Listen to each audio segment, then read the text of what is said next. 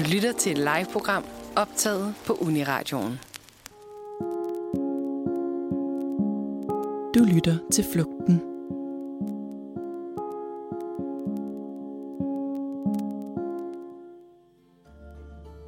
Ja, velkommen til Flugten på Uniradioen. Programmet, hvor vi undersøger, hvad det er, man flygter fra, når man lider af en fobi. Ordet kommer fra det græske phobos, som betyder flugt, og betegner en sygelig frygt eller afsky for noget. Der kommer mere og mere fokus på det mentale helbred, og det er blevet mere acceptabelt at tale om angst og andre tabuer. Den udvikling vil vi i dette program gerne støtte op om, og samtidig vil vi gerne se nærmere på, hvad det er, der gør, at nogle er klar til at omstrukturere deres hverdag for noget, som de fleste andre mennesker ikke ændrer. Ja, jeg hedder Emilie, og jeg er den ene af to værter på programmet. Ja, og jeg hedder Christine, og jeg er den anden vært. Og vi er jo tilbage med endnu en gang Flugten, Christine. Yes. Det er fedt. Vi har også vores producer Vibeke med. Vi kan jo lige præsentere os kort, mm. øhm, inden vi også skal præsentere, at vi har en gæst med i studiet i dag. Yes.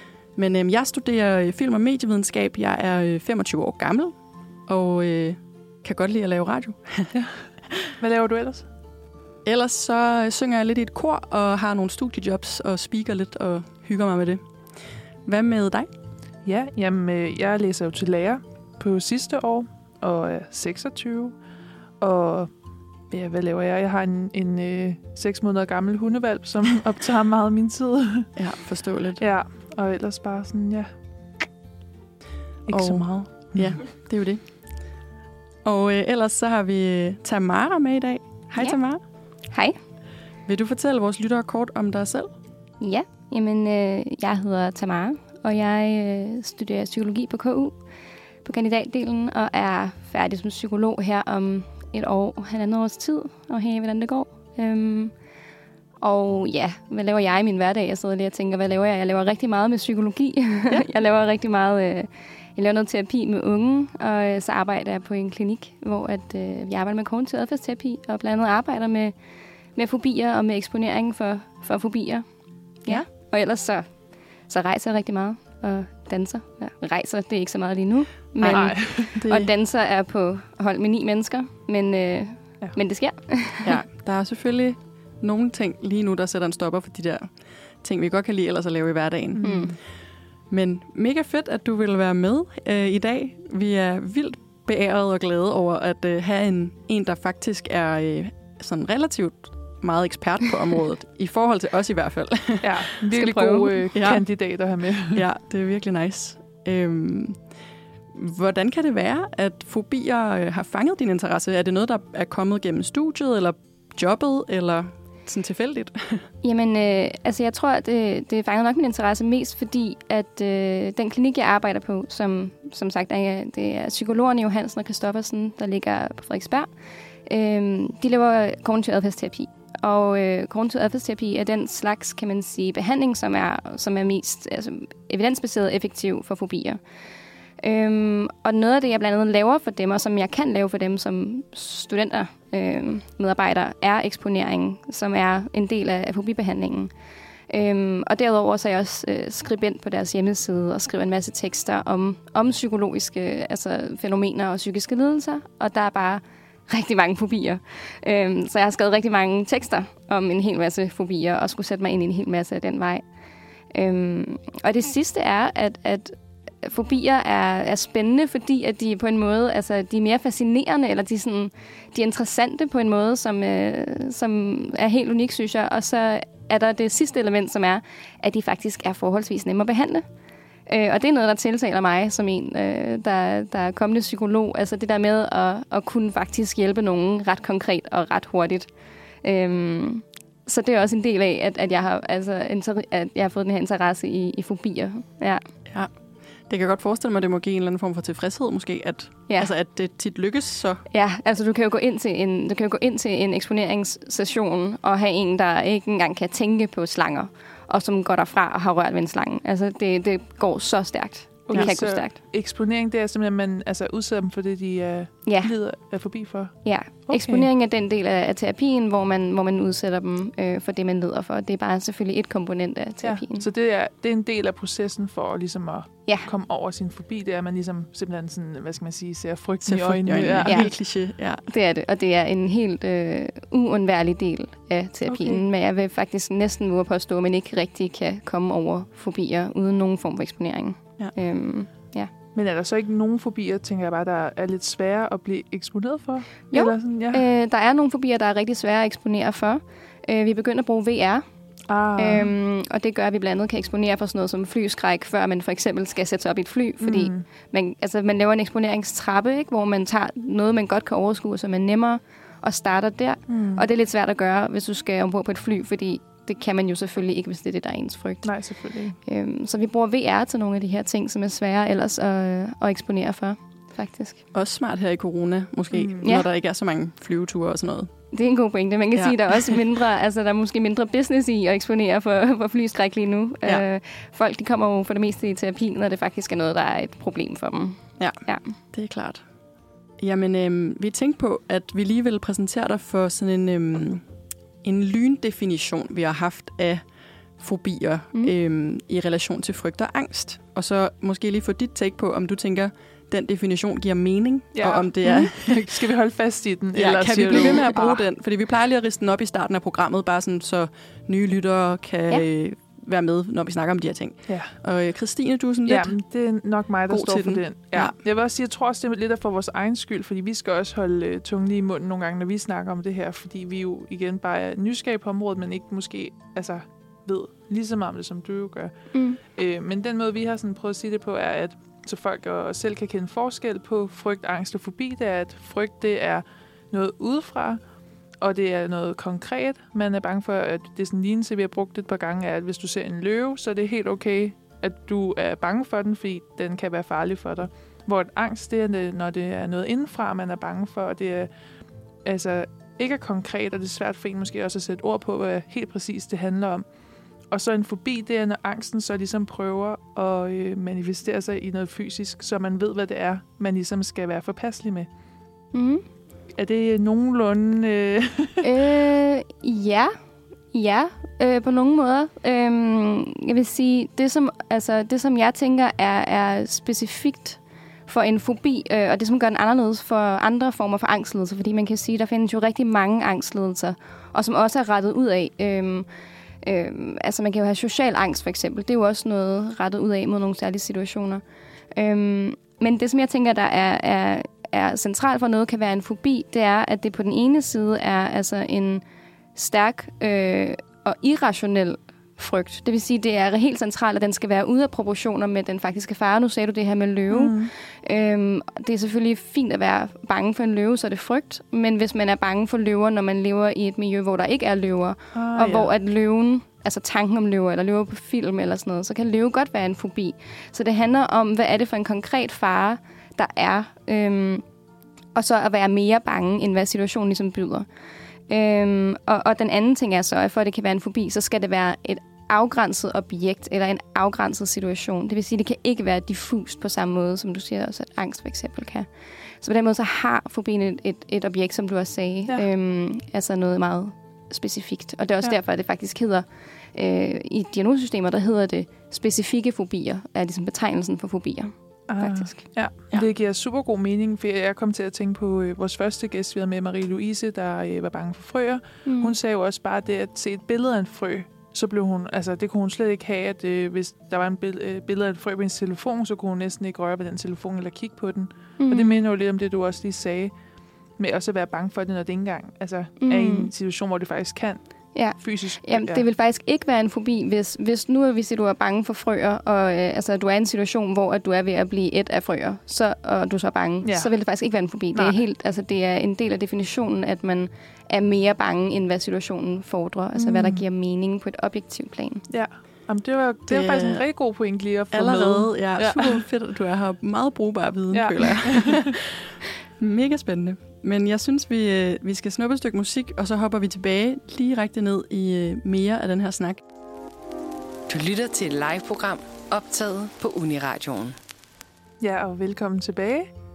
Og øh, vi har jo en gæst med i dag, som er ekspert på fobier. I hvert fald meget mere end mig, Emilie.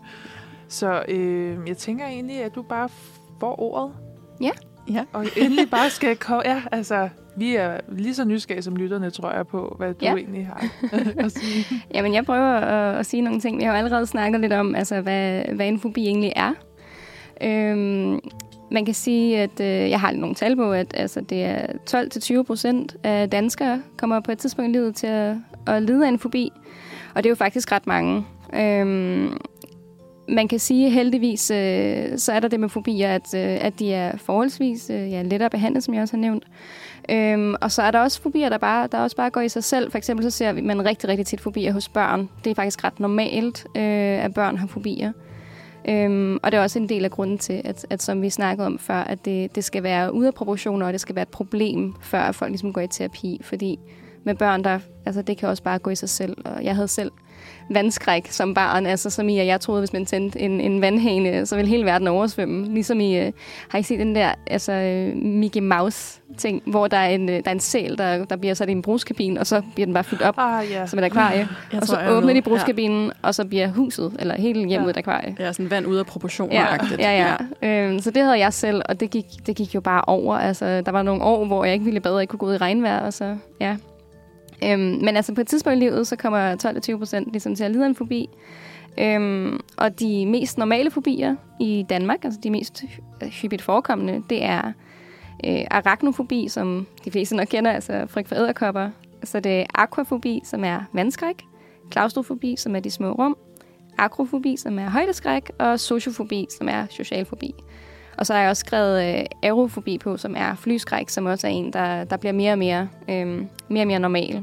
Og lige nu kan man sige, at, at øh, mysofobi, som er øh, angst for øh, bakterier øh, og smitte, Ja.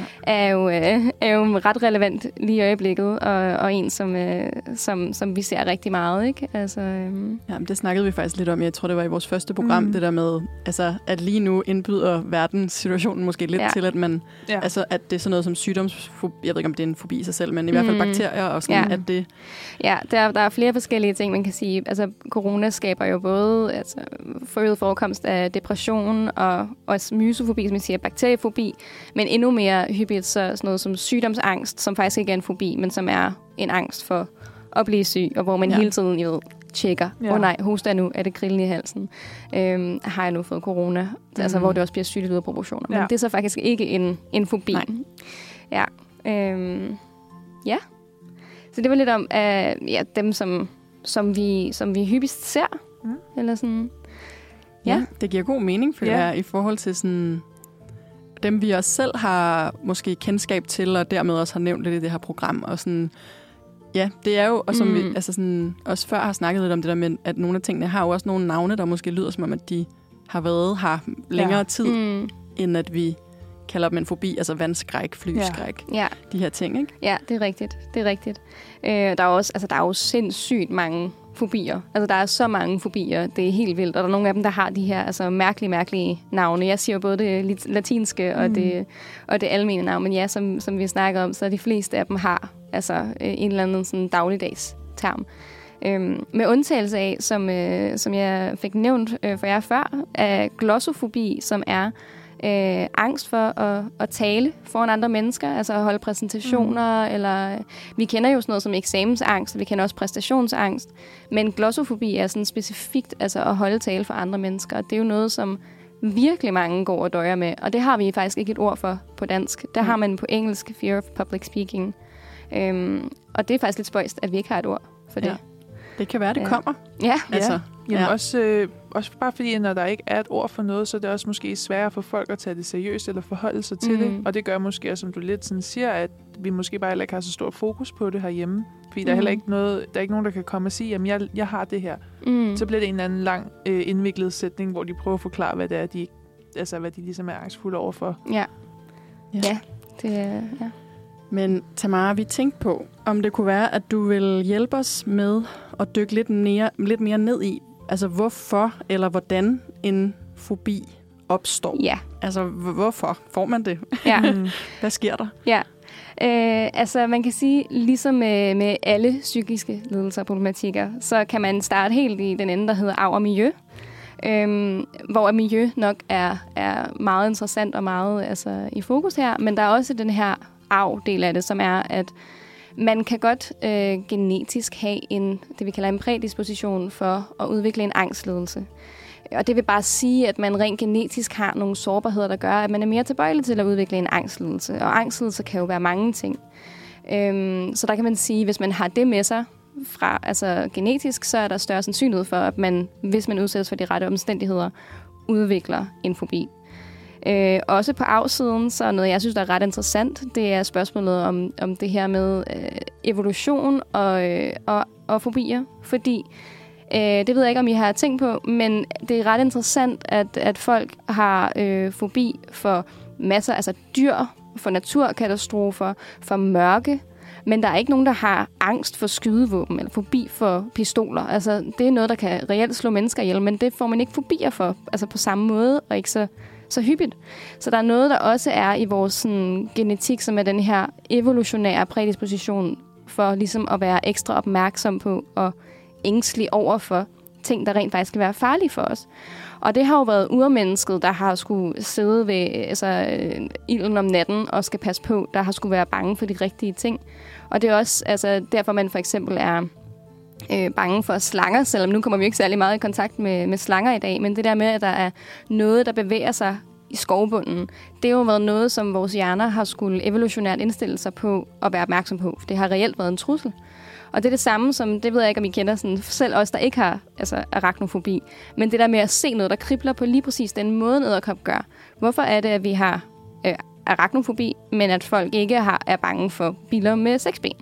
Altså, der er noget, der, hvor vi er evolutionært kodet til, simpelthen, når vi får de sådan, stimulus gennem øjnene til øh, noget, der bevæger sig på en særlig måde, eller nogle særlige dyr og nogle særlige vejrforhold, ikke? altså mørke, lyn.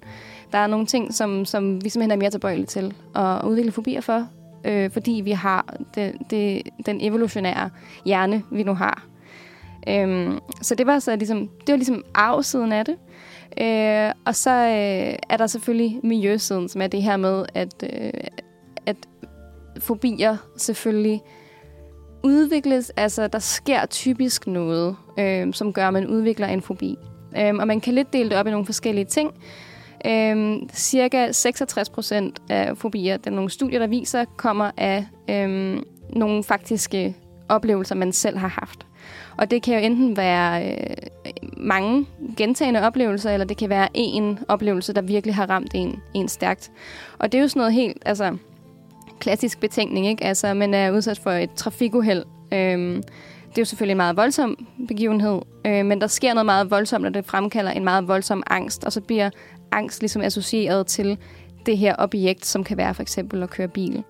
Øh, men der er også eksempler på, at man for eksempel har været udsat for nogle små ting flere gange. For eksempel hvis man er blevet hoppet op af en hund rigtig mange gange som barn, eller der har været en ekstra ag- aggressiv hund i ens familie. Øh, at det så langsomt hen ad vejen kan udvikle sig til noget. Men altså i 66 procent af tilfælde, der vil man kunne sige, at der er et eller andet, som, hvor personen har haft nogle oplevelser egentlig øh, med sig, som har gjort, at, at den her fobi har udviklet sig. Øhm, så er der også det, der hedder modellering, som er, når man som barn efterligner ens forældres adfærd. Og det er da også sådan nogle, en del af angsttilfælde, øh, eller fobitilfælde, hvor at, øh, at, at man har den samme fobi som ens forældre. Og det skyldes simpelthen, at, at på samme måde som vi lærer alt muligt andet i verden, altså hvordan man skal opføre sig, hvordan man skal tale, hvordan man skal navigere, ikke? at man skal kigge sig for, før man går over vejen, så ser vi jo på vores forældre som børn, når vi er helt altså, udvidende om verden. Og hvis de så er bange for hunden, for eksempel, så er det jo helt hensigtsmæssigt, at barnet lærer at være bange for hunden. På samme måde som, at hvis barnet ser voksne være påpasselige omkring ild, at så er barnet mindre tilbøjeligt til at stikke en finger i ilden. Så det er en helt smart mekanisme.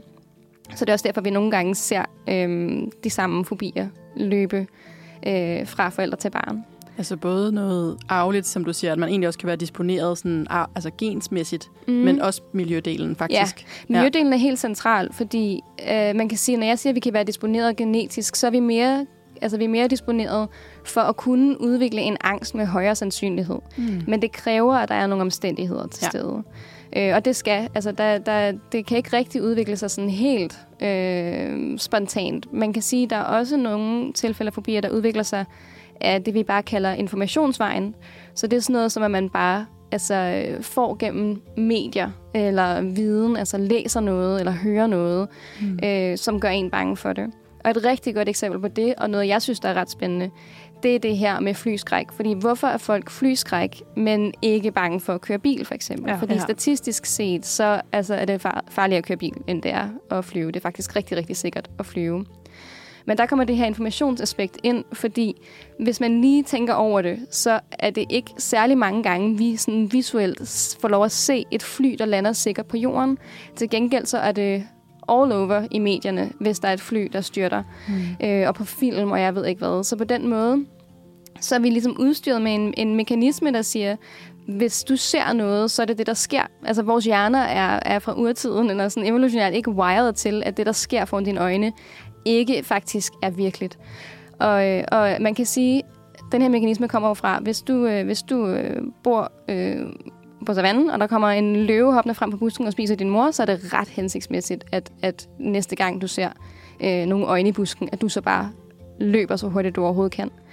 Øhm, men når vi ser et fly styrte på film, så er der altså ikke, så er der altså ikke en mekanisme i vores hjerne, der kan skille mellem, øh, at, at det ikke sker i virkeligheden. Så vi er ligesom wired til, at hvis, hvis vi ser noget, der sker, så skal vi tage det, som at det sker for os. Og derfor kan man blive bange for for eksempel at flyve, fordi vi ser reelt fly komme Jamen, galt afsted. Altså, det, giver, det giver så god Ja. mening. Jeg er sådan helt... Vi sidder Ah. bare sådan mundlamme og Ja. lytter. Jamen, jeg, jeg føler... Jeg, jeg tror, jeg er skyld i, at min søster har flyskræk nu, tror jeg. Fordi, ja, Fordi du så lost med hende? nej, nej. Jeg, øhm, på, jeg tror, det har været Discovery Channel, var der sådan et, øh, en udsendelse, der handlede om altså flystyrt, hvor man så styrtet, og så prøvede de i afsnittet at finde ud af, hvad der gik galt. Og jeg, jeg plejede at se det, fordi jeg synes, det var beroligende at vide, øh, for de sagde altid i programmet, at de havde aldrig det samme flystyrt to gange. Så der var et afsnit, hvor at taget var blevet rød, altså revet af op i luften, og så sagde de, nu fandt vi ud af, hvad der skete. Det kommer aldrig til at ske igen. Så jeg tænkte, jo flere afsnit jeg ser, så, altså, så ved jeg bare sådan, okay, det kommer ikke til at ske, når jeg flyver. Og min lille søster, der er fire år yngre, så det også, men hun, jeg tror bare, hun fik det modsatte. Og hun var sådan, okay, der er godt nok mange måder, det kan gå galt på, og hun var bare så flyskræk. Ja. Og det tror jeg, vi, altså, hun har jo bare siddet med mig og set det ene fly efter det andet styrt ned på Ja. tv. Altså, Altså ja, det, der kunne godt være noget der. Ja, ja. det kan man sige, det kan selvfølgelig ikke, altså det kan ikke stå alene, kan Nej. man sige, men som alle andre psykiske lidelser, så er det jo bare altså, en væld af forskellige faktorer, der ligesom der taler sammen. Øh, ja, så, så der kan være rigtig mange ting, der, der tæller ind i, øh, at man udvikler sådan en, Ja. en fobi. Men altså, der er jo også spørgsmålet om, hvorfor de, man så bliver ved med at have en fobi, ikke? Fordi, altså, okay, så bliver man bange for, øh, for at køre bil, efter at have været i, i en bilulykke. Men hvordan, altså, hvordan kan det være, at man bliver ved med at have det, og det ikke ligesom går væk, når man er far? Okay, det er ikke noget, der sker hver dag, for eksempel. Og der er jo det her, og som jeg også faktisk tænkte på, jeres program faktisk er, er opkaldt efter, ikke den her flugt. Fordi at øh, det, I kalder flugten, det hedder i, i, kliniske, i kliniske vendinger, hedder det undgåelsesadfærd. Mm. Øh, og en anden variation af det er sikkerhedsadfærd. Ja. Og det er adfærd, hvor man undgår det, som man er bange for. Eller sikkerhedsadfærd, det er, når man kun udholder det, man er bange for, under bestemte omstændigheder. For eksempel, min kæreste han er bange for at flyve, og han kan så kun flyve, hvis han har øh, hørebøffer på at høre musik, ser en film, spiller spil på sin telefon samtidig. Altså total virkelighedsflugt, kan man sige. Øhm, problemet med både undgåelsesadfærd og sikkerhedsadfærd er, at de opretholder faktisk fobien. Så det er det, der gør, at man, kan man sige, bliver ved med at, at, at have en fobi. Øhm, for man bekræfter faktisk sig selv i det. For prøv at tænke på, hvis nu man er bange for hunden, og man så ser en hund, og man skynder sig at løbe sin vej, så tænker man ikke bagefter, ej, måske burde jeg være gået hen til den hund. Man tænker, nej, nej, altså hunden er mega farlig. Det var godt, at jeg nåede at se den og løbe, var, fordi ellers var jeg nok blevet et.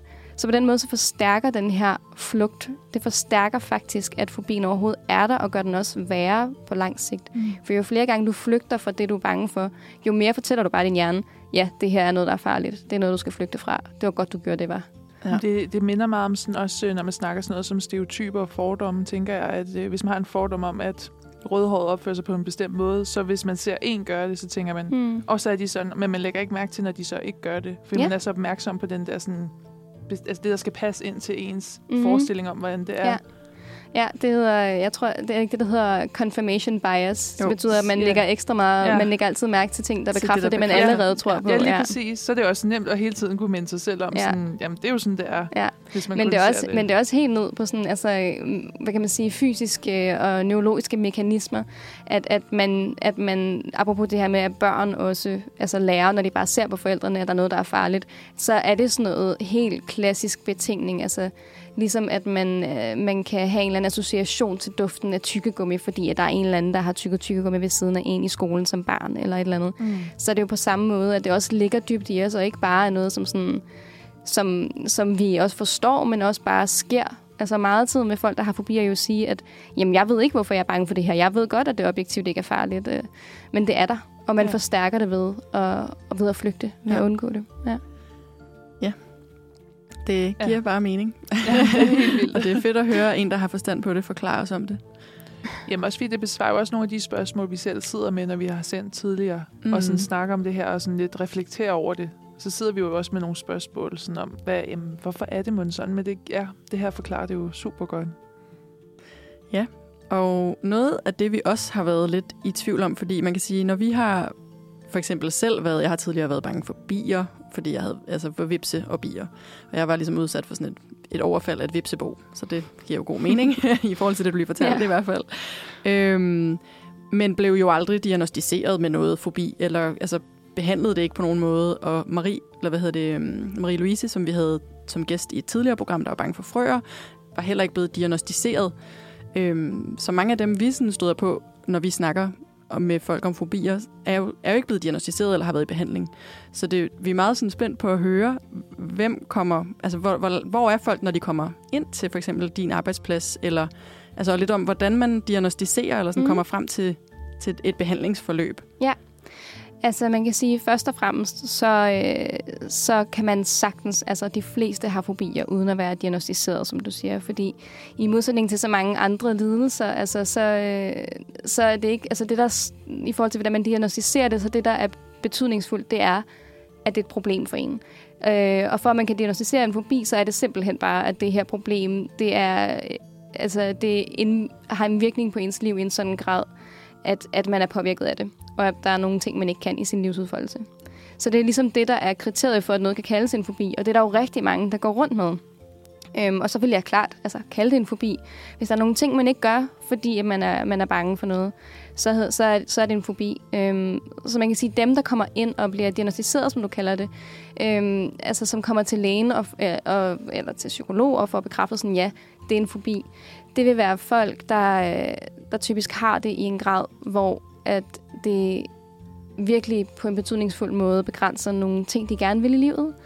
Øhm, og det er også derfor, at det er, nogle, altså, det er nogle særlige fobier, vi behandler rigtig meget. Øh, for eksempel, nu nævnte jeg jo alle dem, som er de hyppigste.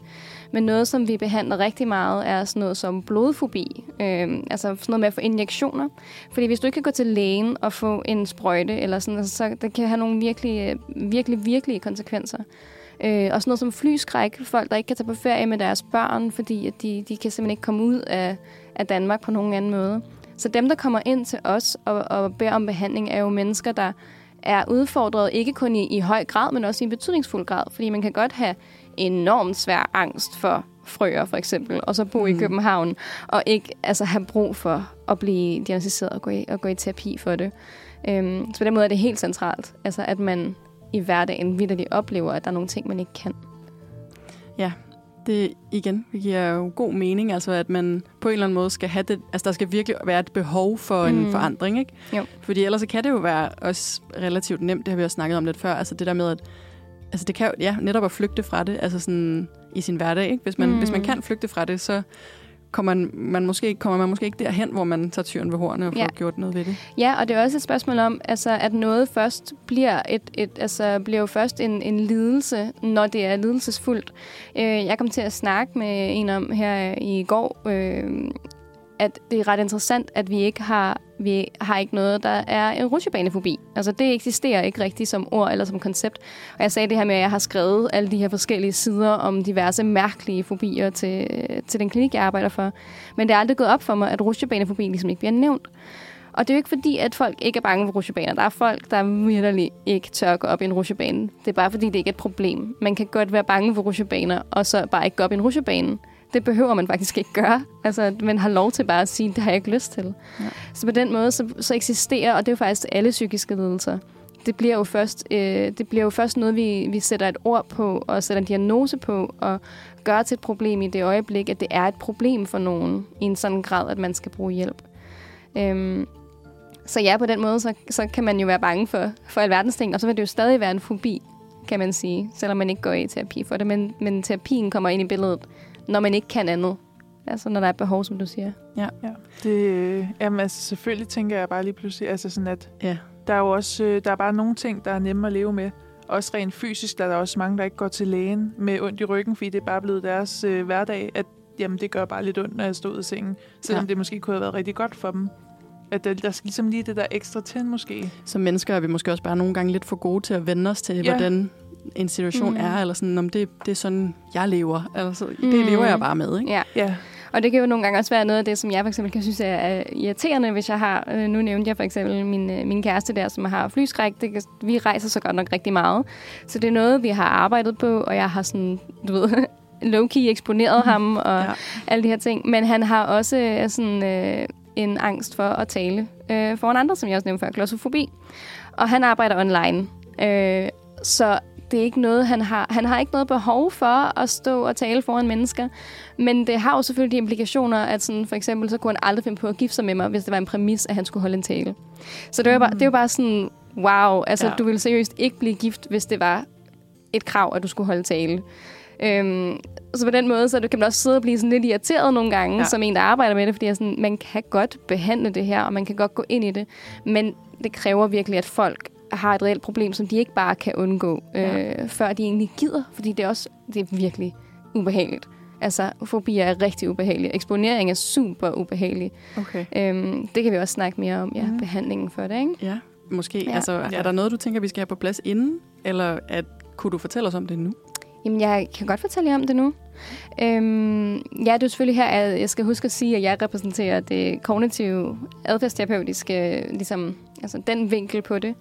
Øhm, og det er den form for, for terapi, der er mest evidensbaseret og også øh, altså påvist mest effektiv. Men der findes selvfølgelig andre måder ligesom at gå til det.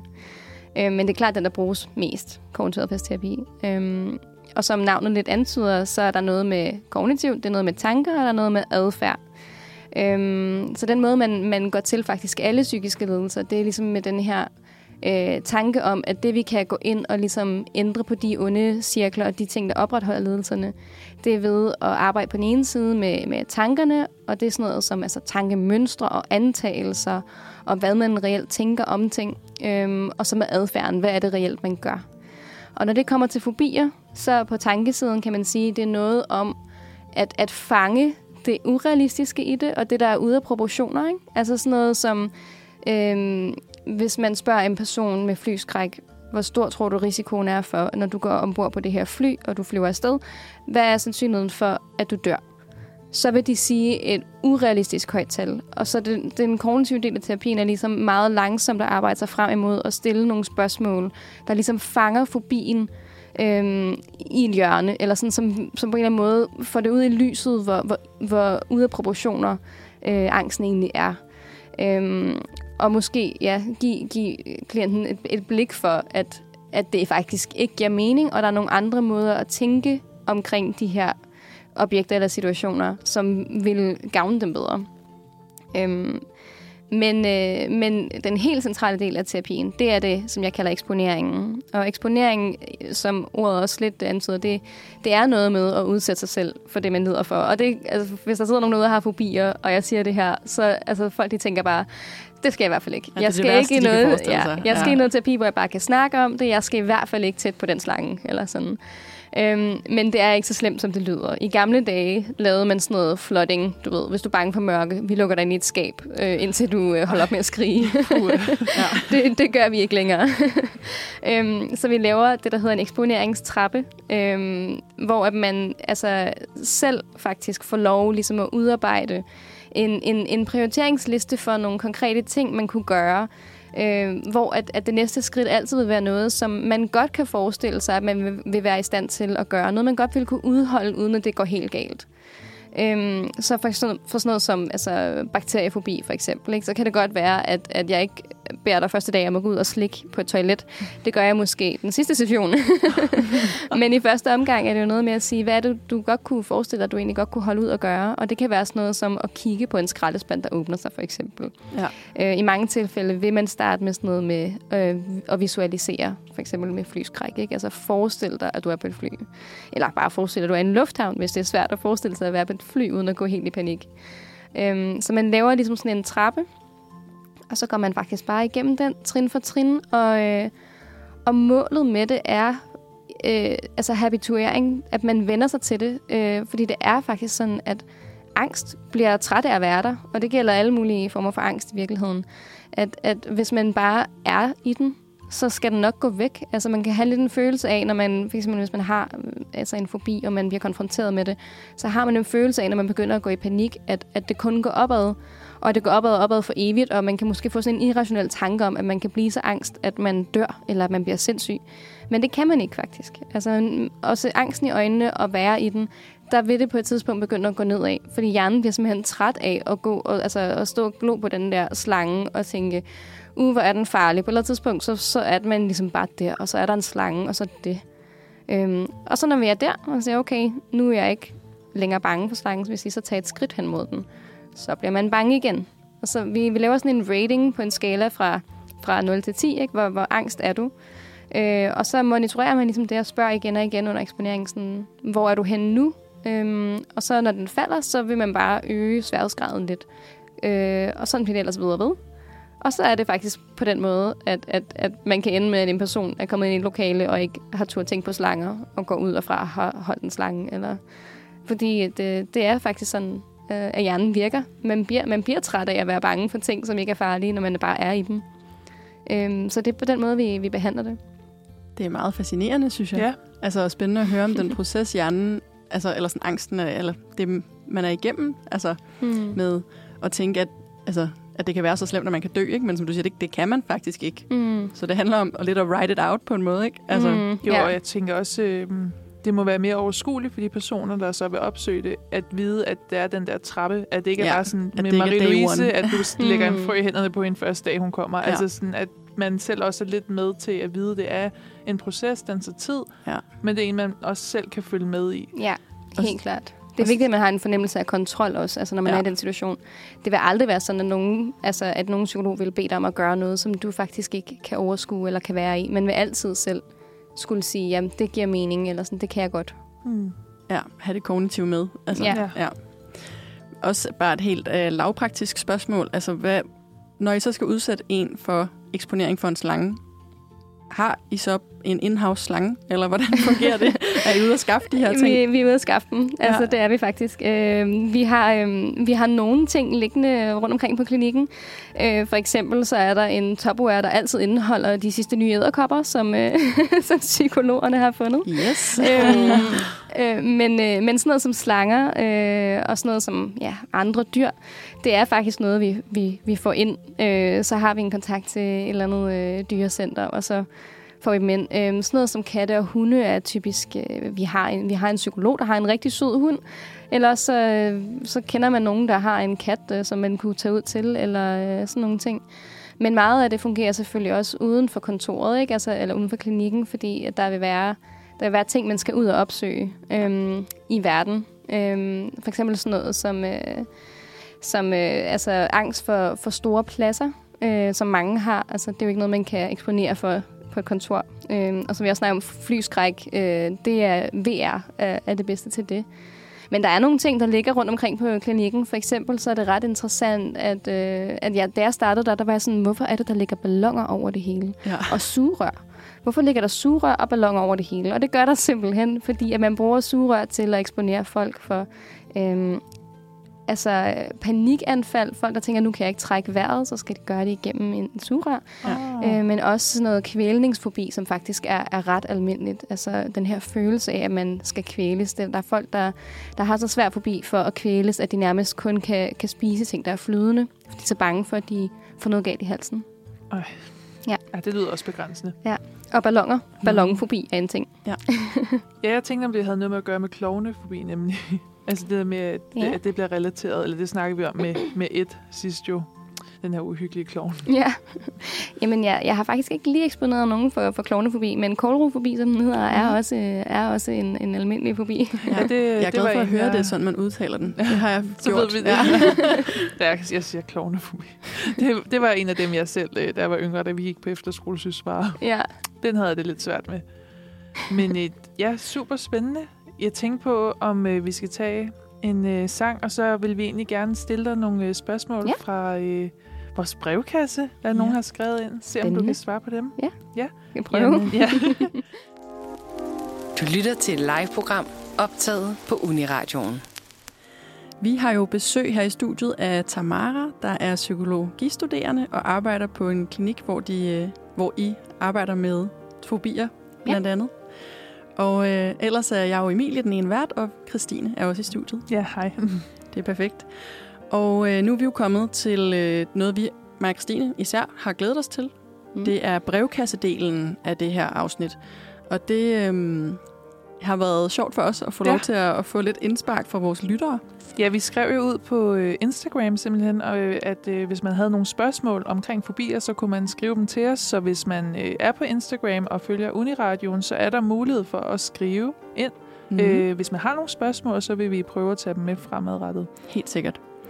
Og et af de spørgsmål, vi har fået, øhm, eller i hvert fald et ord, som der blev sendt ind, var øhm, trypofobi. Og jeg tænker, det vedkommende mm. gerne vil vide noget om, måske er, om du ved noget om det, eller kan fortælle lidt om, hvad trypofobi er. Øh, trypofobi er faktisk øh, altså den fobi, jeg plejer at nævne, hvis folk stiller mig spørgsmålet, hvad er den mærkeligste fobi? Ah, okay. øhm, fordi det er en fobi for små huller. Øhm, men når jeg siger små huller, så er det, det er simpelthen en fobi for øh, altså konstellationer af små huller. Så det er sådan noget med altså bikuber for eksempel. Ja. Mm. Øhm, sådan noget, altså forskellige ting, der har det her sådan et mønster af nogle små huller, Ja. kan simpelthen skabe sådan en, en, en fobisk angst øh, i nogle mennesker. Og det, er, og det er noget, jeg faktisk har, har hørt ret mange øh, sige, at de godt kan genkende et ubehag, når man, når man ser sådan nogle særlige konstellationer af små huller. Og det har, og det har også, altså der, der er ikke noget øh, bevis for, hvor det, hvor det kommer fra, men, øhm, men øh, der er spekulationer øh, omkring, at det kan have at gøre med, at, øh, at de her sådan, nu sagde jeg det her tidligere med, at vi er ligesom indstillet i vores hjerner til at holde øje med nogle særlige, øh, nogle særlige mønstre i vores omgivelser, og være bange for dem, altså sådan noget med æderkopper og slanger for eksempel.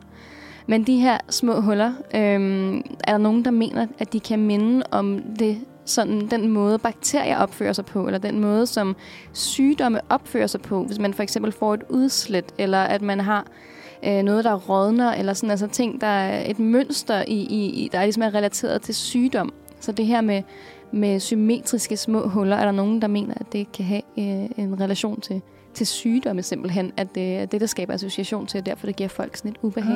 Ah, ja, okay. Jeg Ja. har faktisk en veninde, der for nylig nævnte for mig, at hun altså, lider af den slags fobi. Og da Ja. jeg så prøvede at spørge ind til det, for jeg tænkte sådan, huller. Altså, jeg forstod ikke rigtig, hvad, hvad det, der var i det.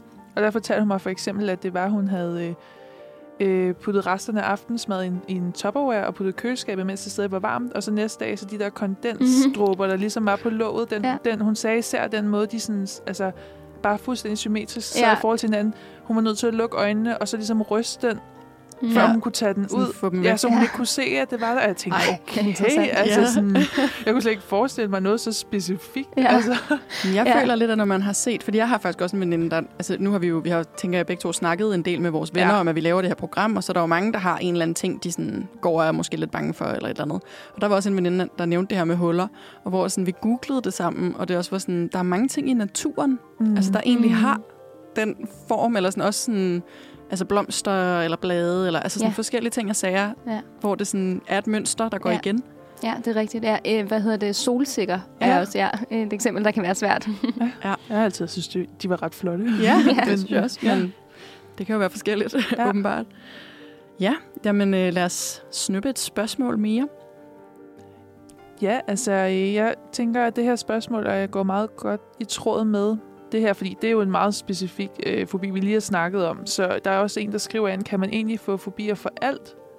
Mm. Det her var jo i hvert fald rimelig specifikt, så det, Ja. det kunne man jo næsten tænke sig. Ja, altså øhm, man kan sige, som jeg nævnte før også, så er der nogle ting, som vi klart er mere evolutionært disponeret for at få fobier for. Øhm, men ja, jeg vil egentlig sige, at man godt kan, at man godt kan få fobier for, for næsten alt. Øhm, og der er jo også øh, nogle af de første eksempler på, øh, på sådan forskning, der har været lavet i fobier. Øh, der er et meget berømt eksperiment, der hedder øh, Little Albert, øhm, som faktisk øh, var lige præcis øh, gik ind i det med spørgsmålet sådan kan, kan man altså er man født med fobier for ting, at man er bange for ting, eller er der noget man får? Det var helt tilbage øh, tilbage i tiden, hvor man ikke forstod fobier særlig godt. Og så lavede man et et meget inhumant øh, eksperiment med lille baby Albert her, øhm, som er en lille dreng. øhm, hvor man, man giver ham en, en sød og blød nuttet rotte øhm, og sidder og lege med. Og, øh, og det viser sig selvfølgelig, at øh, til at starte med, at han ikke bange for, øh, for den her rotte, og den er jo sød og fin at lege med. Og så begynder man at, at hamre rigtig hårdt på et grydelåg, hver gang man giver Little Albert den her rotte i hånden. Øhm, og det bliver man så ved med at gøre, og, og han bliver jo, lille stakkel bliver jo meget, meget bange øhm, for den her meget høje, ubehagelige lyd, der kommer hver gang, at han bliver præsenteret for rotten. Og der viser man så faktisk, at, at den er god nok, så når man til sidst bare viser Albert rotten, øhm, så er han meget bange. Altså, og bliver bange for rotter, fordi han har fået den her negative association med det. Så det som det eksperiment, som man selvfølgelig aldrig ville kunne lave i dag, en stakkels lille... Nej, forhåbentlig ikke i hvert fald. 4-5 år, eller hvad han var. Ja. øhm, det viste, ja, at man, at man jo principielt kan... Altså, at, at miljøet, oplevelserne, som vi snakker om, øh, spiller en rigtig stor rolle i forhold til at, at udvikle en fobi øh, for noget. Og jeg har faktisk... Jeg har prøvet, at, på et tidspunkt tror jeg, jeg googlede det for at finde ud af, om, om ham her, Albert, egentlig altså havde en, en fobi for rotter hele sit liv. Ja, Men, eller om øh, han blev behandlet. Ja, men jeg, jeg kunne faktisk ikke finde ud af det. Men øh, det kunne være interessant at, at vide, om han stadig havde rottefobi. egentlig. Ja, ja. ja. Meget. Altså man kan sige, at hvis man laver en helt kunstig opsætning, mm. kunne man godt sørge for, at man, at, at man kan få en fobi for hvad som helst. Ja. Men rent naturligt er det jo ikke altså, Ja, måske lige så udbredt. Ja. Lige præcis. Altså, at, at pointen ligesom er, at, man, man, at oplevelserne er det, som betinger fobien. Mm. Øhm, man kan, som jeg nævnte før, have en, en prædisposition for, at man, har, altså, at man er mindre resilient, eller hvad kan man sige, over for det. Man kan jo sige, at der er nogen, der er trafikuheller ikke udvikler en fobi. Ja. Og så er der nogen, der er udsat for nøjagtigt samme form for fobi. Så på den måde er der noget, der er individuelt. Men, mm. men principielt, ja, man kan få en fobi for alt, hvis man bliver udsat for det i en meget ubehageligt, i ubehagelig kontekst nok gange, og hvis man har øh, den rette sådan, øh, genetiske sammensætning til, mm. Mm. at, at man også får fobier, ja. Det er også lidt skræmmende egentlig. Ja, meget. Så var der et spørgsmål mere fra vores lille brevkasse her. Om du måske kunne give nogle gode råd til, hvordan man kommer i gang med en proces med at hele, altså at komme videre. Øhm, og det er Mhm. måske det her med så at, at blive behandlet. Du for, altså formentlig vil jeg sige, måske nu hvor vi har snakket Mhm. med dig. Men det kan være, at du har andre måske ord til, altså Ja. råd til sådan den første, de første skridt, eller Ja. Ja. ja, fordi som jeg også nævnte, så, altså, så de fleste, der søger behandling, er jo nogen, der har meget svære fobier. Man kan jo sagtens sidde og have en, en lille fobi, der er, der er irriterende øh, for en, som man godt kunne tænke sig at komme over. Og man kan sige, altså, ja, jeg vil klart, øh, altså, jeg vil klart anbefale sådan noget eksponering af en eller anden art. Hvad kan man gøre? Øhm, det er meget det her med at, øh, at, at prøve at fremkalde angsten øh, i en grad, hvor man godt kan overskue det og så prøve at være i den. Altså det, øh, det handler om at eliminere sikkerhedsadfærd og om at eliminere, eliminere undgåelsesadfærd. Øh, Og det kan være helt nede i det små. Altså sætte sig ned og spørge sig selv, hvad er det, jeg faktisk gør? For eksempel sådan noget som, hvis man nu har angst for æderkopper, og man har tendens til at sige nej til at komme til julefrokost, hvis den skal holde hos mormor og morfar, der bor på en gård. Mm. Altså man skal prøve at lære at spotte sådan, øh, sine mønstre i, hvad er det præcis, man gør. Og det kan også være, at man så tager øh, med til julefrokost på gården, men at man så har en eller anden øh, et eller andet øh, mønster i, at man så kun går i bestemte værelser, hvor man ikke har sikret kopper før og så videre. Øh, så man skal spotte de ting, og så skal man prøve at eliminere dem, og det kan lyde rigtig, rigtig svært. Man skal selvfølgelig gøre det, som jeg siger, altså på en overskuelig måde. Og så skal man holde sig for øje, det vi snakkede om før, at, at angsten kan ikke gøre en noget. Altså, det er ikke farligt. Og angst går ikke kun opad, det går væk igen. Så det, man skal virkelig stole på processen, og stole på, at hvis man for eksempel er bange for æderkopper, og man, jeg har selv gjort det her faktisk, fordi jeg, ikke, jeg har ikke en fobi for æderkopper, men jeg skal, jo, jeg skal jo lave eksponering med æderkopper. Så da jeg skulle til at gøre det, jeg var sådan, ja, uh, jeg synes det heller ikke, det er helt rart at ja. have store æderkopper kravlende på min hånd. Øhm, så simpelthen, og, og næste gang man ser en æderkop, det var det så det, jeg gjorde, så, så bare at sige, okay, nu står jeg bare lige her. Og så bare stå, og så bare vente på, at det går væk, og så tage et skridt tættere på, og så videre. Og så ender man jo med faktisk med at sidde på den her æderkop på hånden.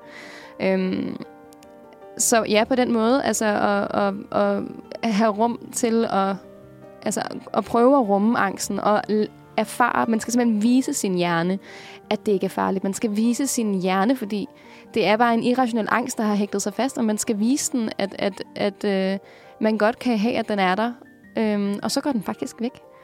Hvis man bare giver den, øh, hvis man bare accepterer den og, og kigger på den, så, så, så går den simpelthen væk med tiden. Så ja, det er nok sådan noget med noget selveksponering, ja. jeg, vil, jeg vil anbefale. Mm, godt Super råd. godt råd, ja, hvis man netop ikke lige måske har mod på at opsøge mm. øh, en psykolog, eller sådan, så kan man i hvert fald, så er noget, man kan arbejde med selv inden. Mm. Super godt. Så tror jeg, at vi lige når et sidste spørgsmål ja. her, inden øh, tiden desværre er gået. Men øh, vi fik også et spørgsmål sendt ind, som var, er der en neurologisk slash kognitiv forskel på for eksempel øh, social fobi og så specifikke fobier, eller sådan enkelt mm. fobier. Ja.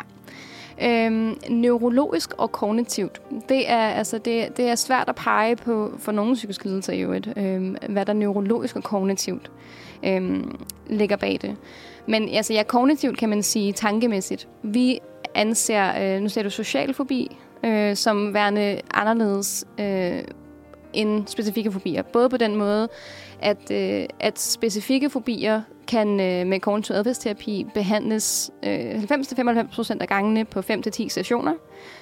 Øh, social fobi er en af undtagelserne her. Øhm, og der er det i det, at socialfobi er lidt mere vidtrækkende, også fordi det ikke er et helt afgrænset objekt. Altså, øhm, nu nævner jeg for eksempel fear of public speaking, som man jo også har, når man har socialfobi. Altså, man er også bange for at give præsentationer foran andre mennesker, hvis man har socialfobi. Men det er en afgrænset situation.